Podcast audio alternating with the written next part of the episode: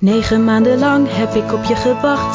Je naam heb ik alvast voor je bedacht. Straks ga ik je ontmoeten, hoe zal de bevalling gaan? Hoe dan ook, we gaan er tegenaan.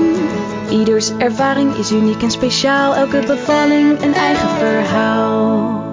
Zwanger zijn en bevallen wordt door veel ouders beschreven als een van de meest indrukwekkende momenten uit hun leven. Als verloskundigen vinden we dat die verhalen een platform verdienen om anderen te inspireren en ervaringen te delen. Daarom hoor je vandaag het verhaal van. René Gunning. Ik ben moeder van uh, Willem, die is twee jaar, uh, wonend in Amsterdam met vriend en uh, 31 jaar. sommigen kunnen me kennen van Echt Gooise Meisjes, dat is al heel lang geleden, in 2009. En in dagelijks leven ben ik fulltime moeder van Willem en schrijf ik over het moederschap, over zwanger zijn, over work-life balance. Uh, maar met name uh, vul ik mijn dagen met, uh, met kleine Willem. Ik, ehm, ik ben nu zwanger, hoogzwanger van ons meisje. ik ben 5 juli uitgerekend. Maar ik ga jullie eerst nog meenemen in mijn verhaal over ehm, ja, de bevalling, het zwanger worden van Willem. Die is op 27 juni 2019 geboren. Dus eigenlijk echt twee jaar geleden. En ehm, ja, het zwanger worden, dat was eigenlijk altijd al een droom van mij. Uh, moeder worden was een, de allergrootste droom. Maar ja, dan moet er wel eerst wat uh, gedaan worden om moeder te worden. Namelijk de leuke man vinden. En uh, sinds 2017 zijn Tigon en ik samen. En ja, al heel snel wist ik dat dit de vader van mijn kinderen moest gaan worden. ik had wat ervaring met vriendjes. En de chemie, de klik was er meteen. En ik wist, dit is gewoon mijn droomman. Dus ook niet heel veel later, uh, tien maanden later, was ik zwanger van, uh, van Willem. En uh, ja, dat ging, dat, dat ging het, het, het zwanger worden ging, ging soepel. helaas is toen eigenlijk voor de zwangerschap van Willem is het één keer misgegaan. Dus heb ik bij zes weken heb ik toch het, het bevruchte eitje heb ik, ben ik verloren. dus na één echo met een kloppend hartje is het toch misgegaan. Maar toen zijn we in september 2017 naar Milaan gegaan om het allemaal even te verwerken, te, uh, uh, nou, gewoon even los te laten, die stomme ovulatietesten los te laten. En dus eigenlijk heel veel wijn gedronken. En ik kom thuis uit Italië en ik ben zwanger. Dus het, het, het zwanger worden was, was helemaal geen ding. Maar het vasthouden van het, ja, het bevruchte eitje was nog wel even een ding. En daar moest ik twee keer over doen. Uh, en toen uh, op 6 oktober 2007, 2018, sorry, ik praat in 2017. Op 6 oktober 2018 um, had ik een positieve test in mijn handen van Willem. En, en toen begon het avontuur. Want ja, zwanger zijn, je hebt er wel eens over gelezen, over gehoord, maar ja, wat voel je nou? En, en, en, en, en, en, en ja, wat is het eigenlijk? En nou, dus ik heb het eigenlijk, uh, ik ben van, ja, van persoon niet heel veel, ik lees niet heel veel. Ik schrijf liever en ik maak liever content dan dat ik alles ga lezen. Maar ja, je gaat toch op een negatieve kop of een positieve kop, ga je toch lezen. En um, vooral op social media kan je natuurlijk eindeloos, kan je, kan je lezen. Alleen je weet nooit hoe het is totdat je het zelf ervaart. En dat is echt, uh, nou, dat was in mijn zwangerschap ook echt zo. Um, ik ben eigenlijk goed de zwangerschap doorgekomen.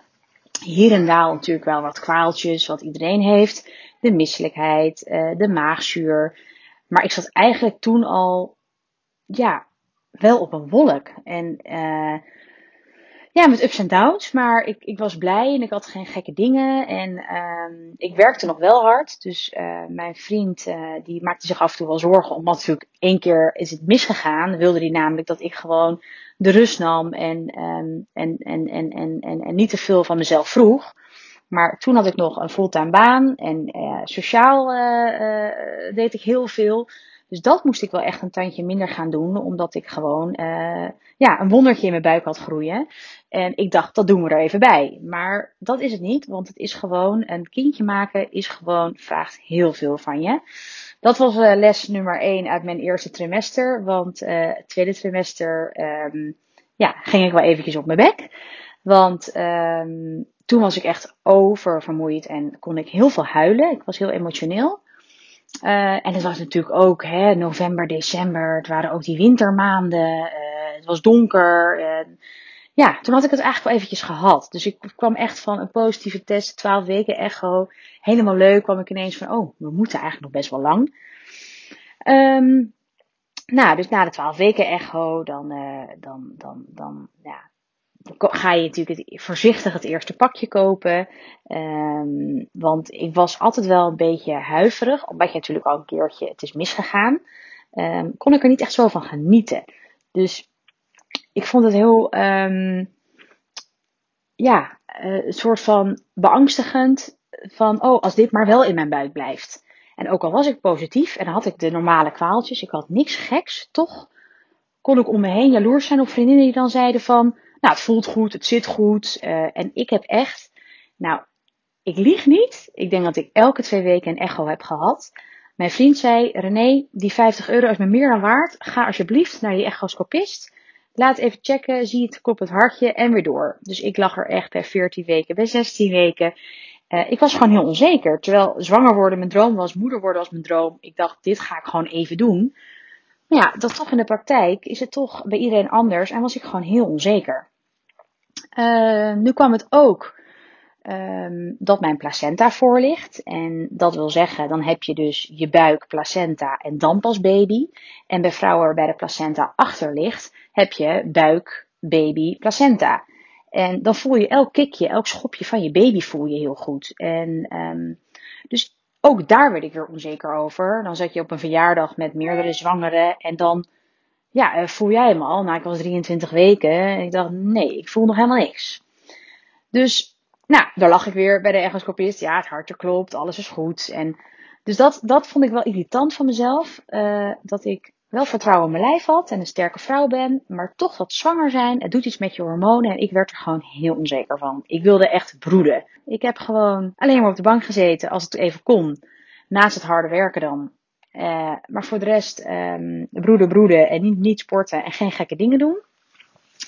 En, uh, nou, en toen kwam die buikgroei echt wel bij, uh, bij 5, 26 weken. En dan wordt het elke twee weken, word je, hè, maak je even een fotootje en dan zie je dat er iets groter wordt. Dus vanaf 25 weken ben ik wat meer gaan genieten, omdat ik meer bewijs had dat er wat in mijn lijf groeide. Ik voelde Willem wat meer um, en mijn buik groeide. En tot die 25 weken gebeurde er helemaal niks. Ja, je broeken gingen wat strakker zitten. Maar je voelt, ik voelde niks. Dus ik vond het heel gek om, om daarop te kunnen vertrouwen. En um, nou, toen zijn we op babymoon gegaan. Dat moet je natuurlijk wel doen. Zeker zwanger van de eerste. Dan moet je dat soort cliché dingen gewoon lekker doen.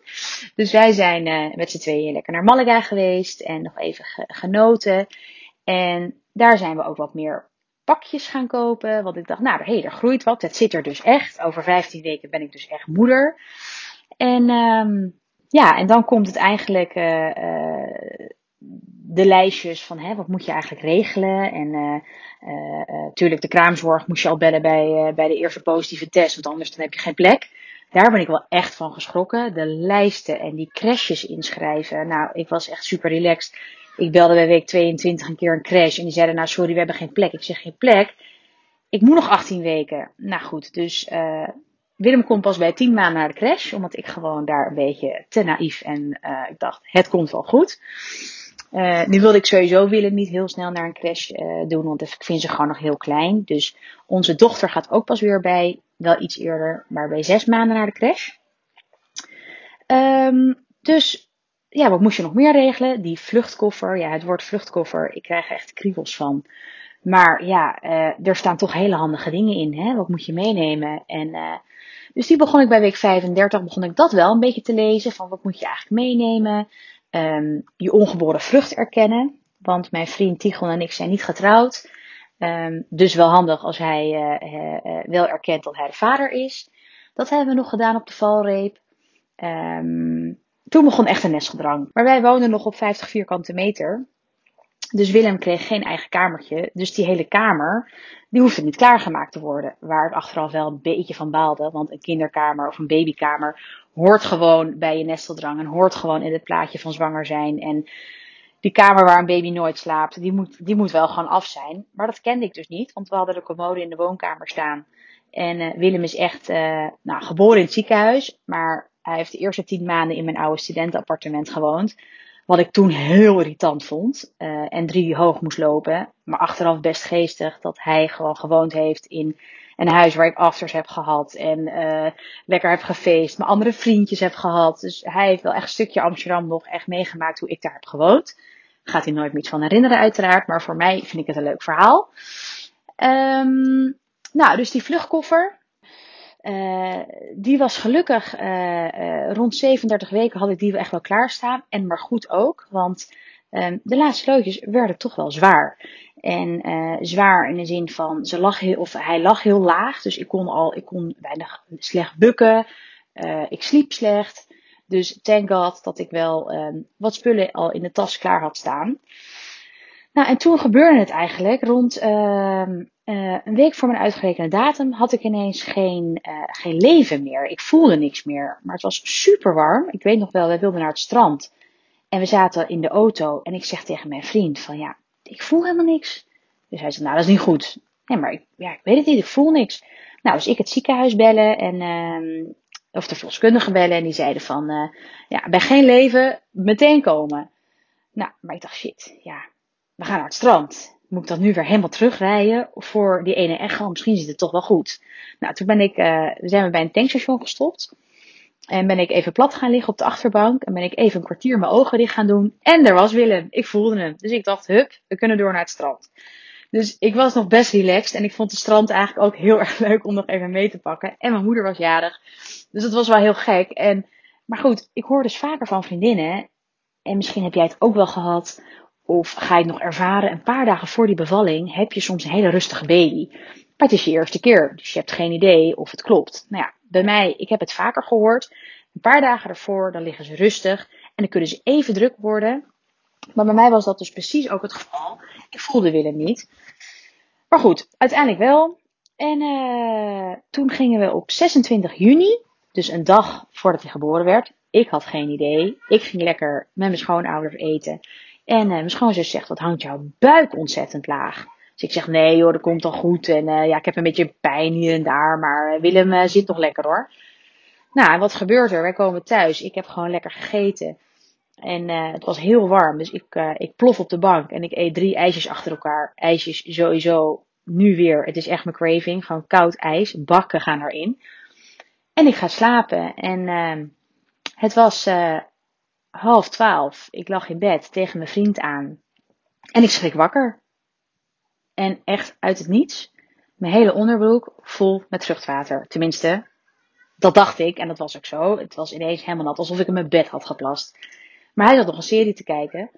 En op dat moment was ik zo ineens zo kwetsbaar. En dat vond ik meteen mooi, maar ook heel schaamte. Dat je zodra, of zodra je vliezen breken, ben je gewoon op je, op je allerkwetsbaarste. Wat je weet, er gaat nu iets komen. Uh, en ja, je bent gewoon je ik. Je bent je, je, je, puur er bestaat iets niet. Ik stond naast mijn vriend op het bed en er valt gewoon vruchtwater naar beneden in de naki. En ik denk, ja, er is niks seksies aan, maar het is wel het allermooiste, want je bent gewoon helemaal gewoon een mens die gewoon een baby gaat krijgen. En nou, dus wij dat opvangen. En dan moet je kijken welke kleur vruchtwater het is. En ik kon alleen maar huilen, want ik vond het eigenlijk spannend. En, uh, maar ik was ook een beetje gestrest, want wat doe ik? Het was dus goed, het vruchtwater. En ik kijk mijn vriend aan en ik was natuurlijk helemaal in shock, want ik was helemaal, helemaal van nu al. En ik ga googlen wat te doen als je vliezen breken. Dan heb je negen maanden de tijd om te lezen en ik google wat te doen. Nou, ik was helemaal van het padje. En hij begon te lachen. Hij zei, nou volgens mij moet jij gewoon een verloskundige bellen. Ik zeg, oh ja, dat gaan we doen. Dus gewoon Google pakken om te kijken wat je moet doen als je vliezen breken. Terwijl je al negen maanden je kan voorbereiden. Nou, dus wij, uh, nou, vruchtwater opgevangen. Dat zag er allemaal goed uit. En uh, ik ben wel een, uh, een medisch gevalletje. Uh, heeft met een bloedafwijking te maken. Ga ik verder niet heel erg op in. Maar ik moet wel in het ziekenhuis bevallen. En um, dus wij het ziekenhuis. Nou, uh, vluchtkoffer mee, uh, mee. Die had ik niet in de auto staan, want ik was bang dat hij uit de auto gejat zou worden in Amsterdam. Dus wij die maxicosi nog mee. En uh, wij komen in het ziekenhuis. Alles rustig. Dus het, ja, de vruchtwater liep wel. Dus ik had wel een maatverbandje en ik had zo'n uh, zo'n ja, matje in de auto. Voor mijn vriend, dat vond mijn vriend erg belangrijk, dat de auto schoon bleef. En die, die hoor je ook vaker, dat de mannen dan bang zijn voor de auto. En uh, wij komen het ziekenhuis in. Nou, het vruchtwater, dat, uh, dat liep er wel uit. Maar ik had geen pijn, ik had geen weeën. Ik dacht, hè, hoe kan ik nou zoveel vocht verliezen, maar geen pijn hebben? Dus ik lag aan de CTG om half één s'nachts.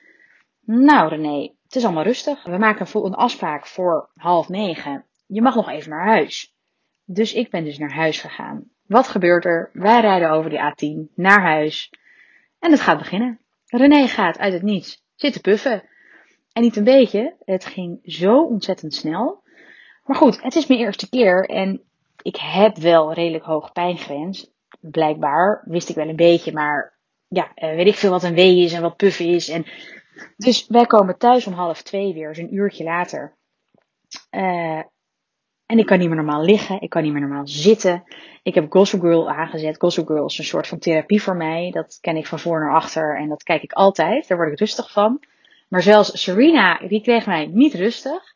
En ik tegen mijn vriend zeggen, ga jij maar even op de bank liggen, dan ben jij uitgerust. Hè? Want mannen die, hè, die kunnen piepen hè, als ze moe zijn. Dus ik zeg, ga jij maar op die bank liggen. Ik doe dit wel. Maar misschien duurt twee, het duurde nog twee dagen. Dus uh, ja, uh, ik ben gewoon in bed gaan liggen. Maar het, het, het, het, lukte niet. Ik kwam niet in Gossip Girl. Ik kwam niet rustig. Nou, het was half drie s'nachts. Het was half vier s'nachts. Ik heb uh, echt geschreeuwd als er een puff kwam. En op de, in de douche gestaan. Op handen en voeten.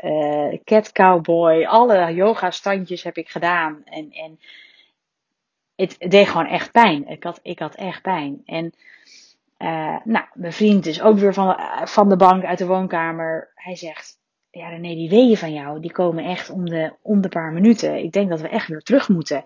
Ah nee, nee, nee, komt wel. Nee, we gaan nu echt terug. Want ik dacht, ja, ik ben toch liever thuis dan in een ziekenhuis. Maar achteraf was het heel goed dat hij heeft gezegd om half vijf, we gaan nu.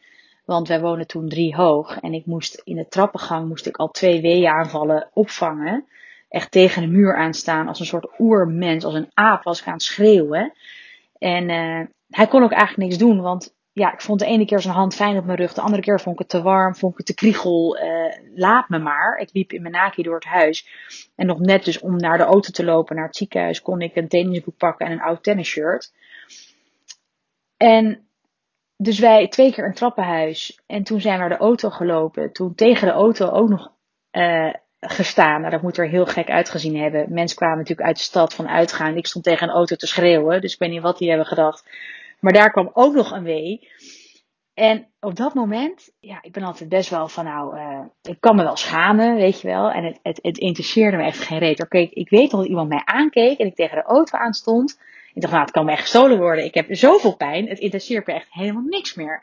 Maar goed, ik kon het eigenlijk best wel allemaal wel opvangen. En toen al mijn ademhaling en gewoon. En weer en door. Je moet gewoon met jezelf gaan praten. En dat heeft mij. Ik heb mezelf eigenlijk gecoacht door die weeën heen. Maar ik, heb, ik had dus eigenlijk geen idee of ik nou 2 centimeter ontsluiting had. Of nog helemaal niks. Of al 7. Ik weet het niet. Alleen mijn vriend zei: die weeën gaan echt nu heel snel achter elkaar. Dus we moeten gewoon naar het ziekenhuis. Nou, wij die auto in. Dan is. Het was een kwartiertje rijden. Nou, nog niet eens. 12 minuten naar het, uh, naar het OVG Oost. Maar elke drempel, die, die, die, die ring op, hij moest zo langzaam rijden. Ik had, ik, had, ik had zoveel pijn. Dus in de auto kwamen er ook nog een paar weeën. Nou, ik denk dat wij eh, in 35 minuten bij het OVG waren in plaats van 12. Want hij mocht van mij gewoon niet harder rijden, omdat ik gewoon stuk ging van de pijn. Nou, en toen kwamen we bij het OVG. En uh, daar werd ik op een rolstoel gezet door hem. En uh, ja, op dat moment is het heel snel gegaan. Ik heb, uh, ik denk dat we er half zes waren. En de verloskundige en de gynaecoloog van dus de, om half één, die we dus in de nacht zagen. En ik toen nog heel vrolijk zei, oké, tot morgenochtend. Die hadden gelukkig nog dienst tot acht uur. En uh, ik werd op het bed gelegd en ze gingen even kijken en ik had 8 centimeter ontsluiting. Dus ik was helemaal in shock. Ik heb dus thuis, heb ik die 8 centimeter gewoon maar gedaan in mijn eentje. Die weeën weg, weggepuft. En als mijn vriend niet om half vijf was gekomen, van we gaan nu die auto in, was Willem op de A10 geboren, ben ik bang. Maar goed, het was eigenlijk heel fijn. Alleen ik schrok wel, want uh, het is gewoon, ik heb dus van half twee tot, tot, uh, nou, tot zes heb ik van 0 naar 8 centimeter ontsluiting gekregen. En ik wist het helemaal niet.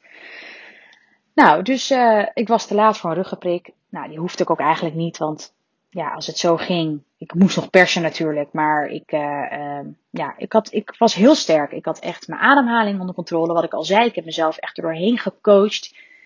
En misschien ook de gedachte die echt domineerde, dat ik gewoon wist dat ik het kon. Mijn, mijn lichaam was hiervoor gebouwd. Ik had hier zin in. Wij vrouwen zijn hiervoor gemaakt, dus wij kunnen dit. Dat heb ik eigenlijk mijn hele zwangerschap geroepen. En toen dus mijn vliezen braken, dacht ik daar ook aan. Wij gaan dit gewoon doen. Mijn lijf en Willem, wij samen gaan dit doen. Dus uh, uiteindelijk was het dus om 6 uur 8 centimeter ontsluiting. En om kwart over 7 uh, mocht ik gaan persen. En wat een geluiden er dan uit mijn lijf komen. Ik wist dat ik kon schreeuwen en kon puffen met ideeën. Maar als je moet persen, echt niet normaal. Wat kan een vrouw gillen? En wat ik ook gewoon niet begrijp, is dat vrouwen, alle respect, maar in een bad willen bevallen. Want ik heb het zo ontzettend warm gehad. En ik, ik, ik, ik, ik liep gewoon, ik had, ik had gewoon kleren aan. Ik had ja, een shirtje tot, uh, tot onder mijn borst, echt zo'n crop top, maar uh, om maar mijn borsten en tepels uh, hè, te bedekken. Maar gewoon naakt op dat bed gelegen, elke houding aangenomen die er bestaat. Want niks lag meer lekker. En ik had het zo warm dat, dat mijn vriend ook eigenlijk heel weinig kon doen. Want als ik zei washandje, oh nee, toch niet. En, en eh, ze, ik vond zijn handen te warm. Ik vond alles te warm. Maar wat vond ik nou? Naast het ziekenhuisbed staat een nachtkastje, dat is van staal. En dat was koud. Dus ik ben dus met mijn linkerbil op het matras, dat is het enige wat mijn lichaam nog op het matras aanraakte, over het kastje ben ik gaan liggen. En zo ben ik gaan persen. Dus ik heb echt gewoon een, een kast geknuffeld, want die was koud. Alles was te warm. Um, en toen ging ik persen. Maar wat gebeurde er? Ik dacht dat ik moest poepen. En ik had mijn ademhaling onder controle. Ik had mijn gillen onder controle. Ik zei alleen maar: René, come on, come on. Hier komt hij. En we gaan. En come on. We gaan ervoor. En ineens, ik blokkeerde. Want ik moest poepen. Dat dacht ik. Maar die verloskundige, die had geen schijn van kans bij mij. Maar ze zagen mij dat ik het zo onder controle had. Ze zeiden, nou laat dat mens maar, want anders wordt het niks. Dus ik mocht nog tijdens het persen met hulp van mijn vriend en een verloskundige naar de wc lopen. En ze zeiden al, het is het hoofdje, het hoofdje langs je darmen, je hoeft niet te poepen. Ik zeg, ik moet poepen. En vervolgens ga ik op de wc zitten. Ik dacht, oh nee, toch niet. Dus het was gewoon Willem zijn hoofd. Maar omdat ik gewoon, ja, poepen toch een soort van schaamte ding vind tijdens een bevalling. Het gebeurt heel veel en ze halen het weg voordat je door hebt. Het ging mij niet gebeuren, dacht ik. En um, dus ik was heel blij dat ik uh, om tien voor half acht nog ja, het besef van, oh ja, het is helemaal geen poepen, het is gewoon een hoofd. En nu kan ik. Nou, dus ik terug naar die kast en de halve bed, zo er half op liggend. En toen konden we persen. En uh, weer gewoon, René, kom op, je kan het, je kan het. En, en ja, uh, toen één over half acht uh, is kleine Willem geboren. En nou, dat was het allermooiste, allermooiste moment uit mijn leven. En ik wilde hem aanpakken en ik pak hem aan. Ik ga met mijn, ook mijn rechterbiel ga ik op het bed om weer op mijn rug te liggen in plaats van over de kast heen te hangen. En ik pak Willem en ik krijg zo'n warm, bloedend uh, uh, kindje op mijn lijf. En ja, dat is, dat is, daar, daar kan niks tegen op. Dat is het aller, aller, allermooist van de hele wereld. Ja, wat er dan door je hoofd gaat als, als, als nieuwe moeder die op één aspirine een bevalling heeft gedaan. En alles bij elkaar, van de vliezen breken tot bevallen in, in zeven uur. Ja, het is een rollercoaster. Het is, daar, dat, dat, dat, dat, dat weet je niet van tevoren. En ik zei al, ik ben geen lezer. Maar ook al had ik alle boeken over bevallen gelezen. Je moet het gewoon echt ervaren. Want uh, zelfs ik zei, ik doe het even. En nou, ik heb echt geschreeuwd als een, als een, als een aap. En, uh, maar die ademhaling en jezelf coachen, dat zijn gewoon de twee dingen. Gewoon in jezelf geloven, tegen jezelf praten en die ademhaling. En daar heb ik eigenlijk nu bij deze zwangerschap denk ik ook alleen maar aan. Ik heb weer weinig gelezen, maar ik weet gewoon, je moet, je moet de artsen niet tegen gaan spreken, de verloskundigen niet tegenspreken. Als je luistert en doet wat zij zeggen en jezelf in controle houdt, dan kan elk mens dit, dat weet ik zeker, dan kan elk mens dit zonder pijnbestrijding. Mits je al 72 uur weeën hebt en je vliezen maar weer, weer niet willen breken. Maar bij mij is het wel, um, ja, gegaane volgorde waar je als vrouw volgens mij van droomt. Uh, vriezen breken, de weeën komen, uh, je rolt het ziekenhuis in en je mag persen. Daar ben ik echt heel, heel erg dankbaar voor. En uh, ik wilde ook heel graag een uur daarna met z'n drieën op de kamer, mits er geen medische complicaties waren. Nou, die waren er gelukkig niet. Dus ik heb echt nog een uur met bloed en het, en het oude tennisshirt zo over mijn borst gelegen. Ik zag er helemaal niet mooi flikkie uit. Ik had gewoon een oud tennisshirt aan. Want die weeën gingen zo snel. Ik, dat was het eerste wat ik kon pakken uit mijn kast. Die hele vluchtkoffer vergeten. gewoon, gewoon gaan met die banaan. En dus we lagen daar met z'n drieën. En het eerste wat ik zeg, dat was ook heel grappig, uh, zeg ik tegen mijn vriend, zal die honger hebben? Die baby komt net uit de buik. En ik denk meteen, als een moeder, zal die honger hebben? Nou, ja, ik heb daar nog filmpjes van. Het is echt heel geestig. Dat ik, dat meteen roep van, oh, hij zal wel honger hebben. Dus meteen dat moeder. Je bent meteen moeder. Dat vind ik zo mooi. Je groeit er niet in. Je bent gewoon moeder. Misschien ben je al een beetje moeder als je zwanger bent. En zeker laatste loodjes. Hè, dan heb je toch echt al een band met je kindje in je buik. Maar het verzorgen gaat meteen aan.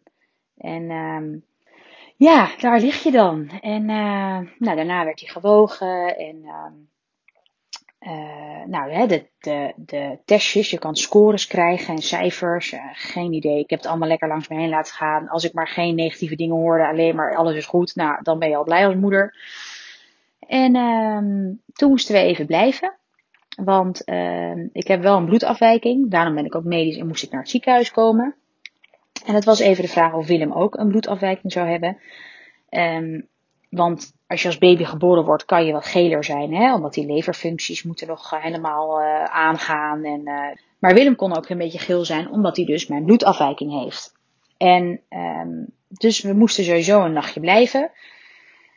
En ik weet nog wel dat hij, nou, hij is op donderdagochtend geboren, woensdag op donderdagnacht. En ik, was, ik wilde meteen bezoek, want ik voelde me sterk en ik wilde mijn kind laten zien. En, uh, en om half zes zegt de kraamverzorgster in het ziekenhuis, zegt, uh, we gaan even Willem aanleggen.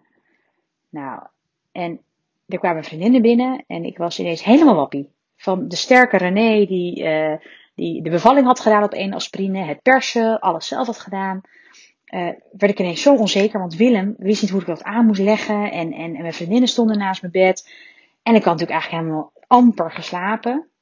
En dan moet je je baby gaan aanleggen. Want ja, borstvoeding geven was wel echt een droom van mij om het te proberen. Of om te geven. En uh, ik werd ineens weer heel kwetsbaar. En ik wist allemaal niet meer hoe het moest. En uh, ik had geen geduld. En uh, die vriendinnen naast mijn bed. En ik vond alles te veel. Dus die zijn ook heel snel naar huis gegaan. Um, want ik wilde gewoon even alleen zijn met Willem en mijn vriend. Um, en toen hebben ze me geholpen. Alleen het aanleggen ging gewoon niet zo heel goed. En het happen.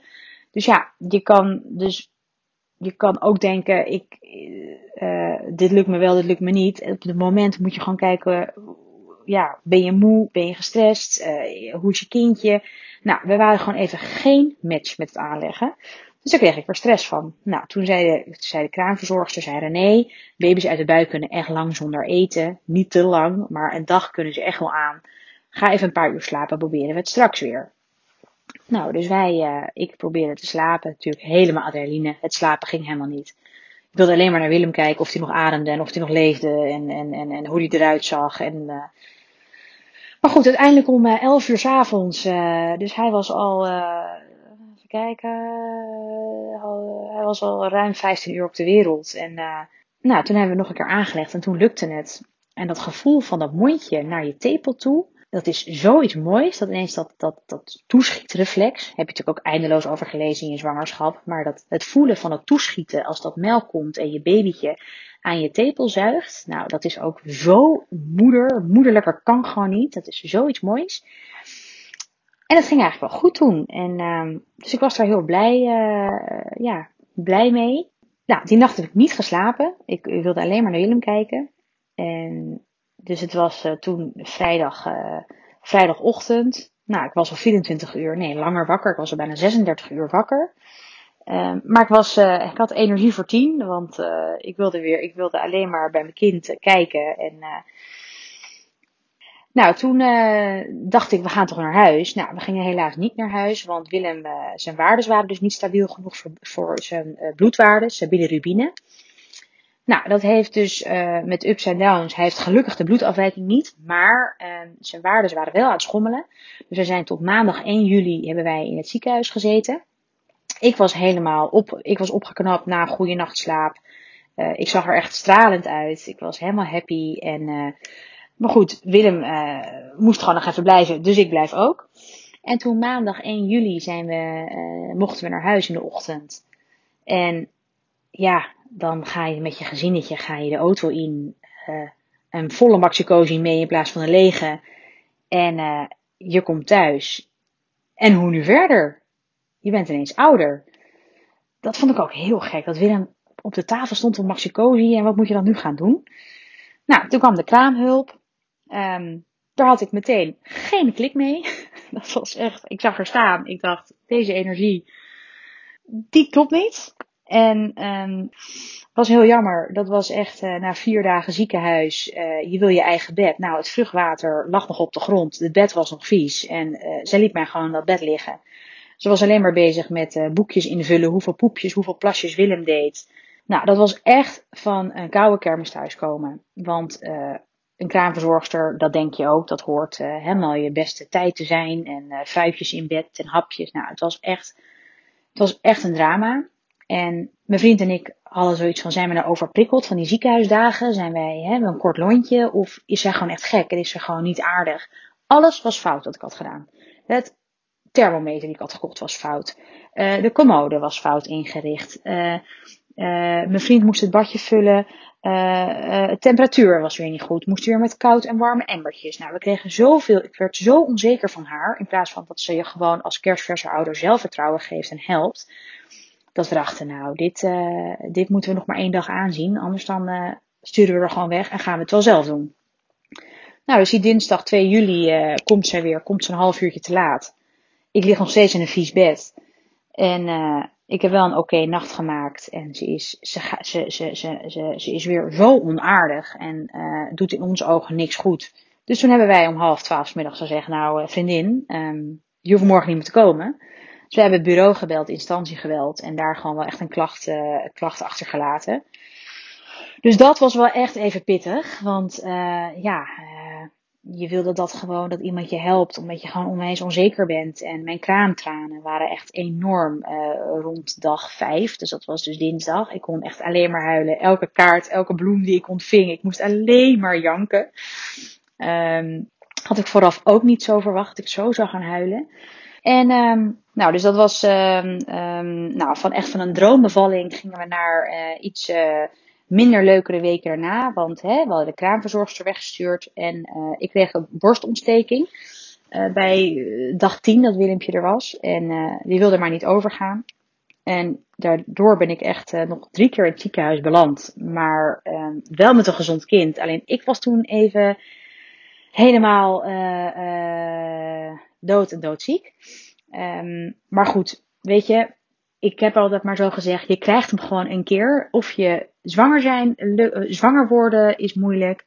Je, je bevalling is vervelend. Of je zwangerschap. Ik ben gewoon van overtuigd, je krijgt hem een keer voor je kiezen. En ik heb hem gewoon na de bevalling voor me kiezen gekregen. Um, en ik denk dat er heel weinig verhalen zijn dat alles helemaal goed gaat van in één keer zwanger zijn. In één keer een mooie bevalling. Uh, de kraamzorg top, je baby gezond. Je krijgt hem gewoon een keer. En dat is ook gewoon het leven. En uh, Um, ja, ik ben toch wel uh, heel erg trots als ik dan terugkijk hoe ik op, op eigen kracht een bevalling heb gedaan. Ik ben ook heel benieuwd hoe ik dat zo meteen weer ga ervaren met, met onze dochter. Ik ga het weer op eigen kracht doen. Ik hoop dat onze postpartum periode wat, wat fijner zal zijn. Dat ik gezond blijf en dat, we, dat dat ons bespaard blijft. Maar um, ik heb er gewoon weer echt onwijs veel zin in. En ik ga gewoon weer niet te veel lezen de laatste dagen. Ik ga het gewoon op eigen kracht doen.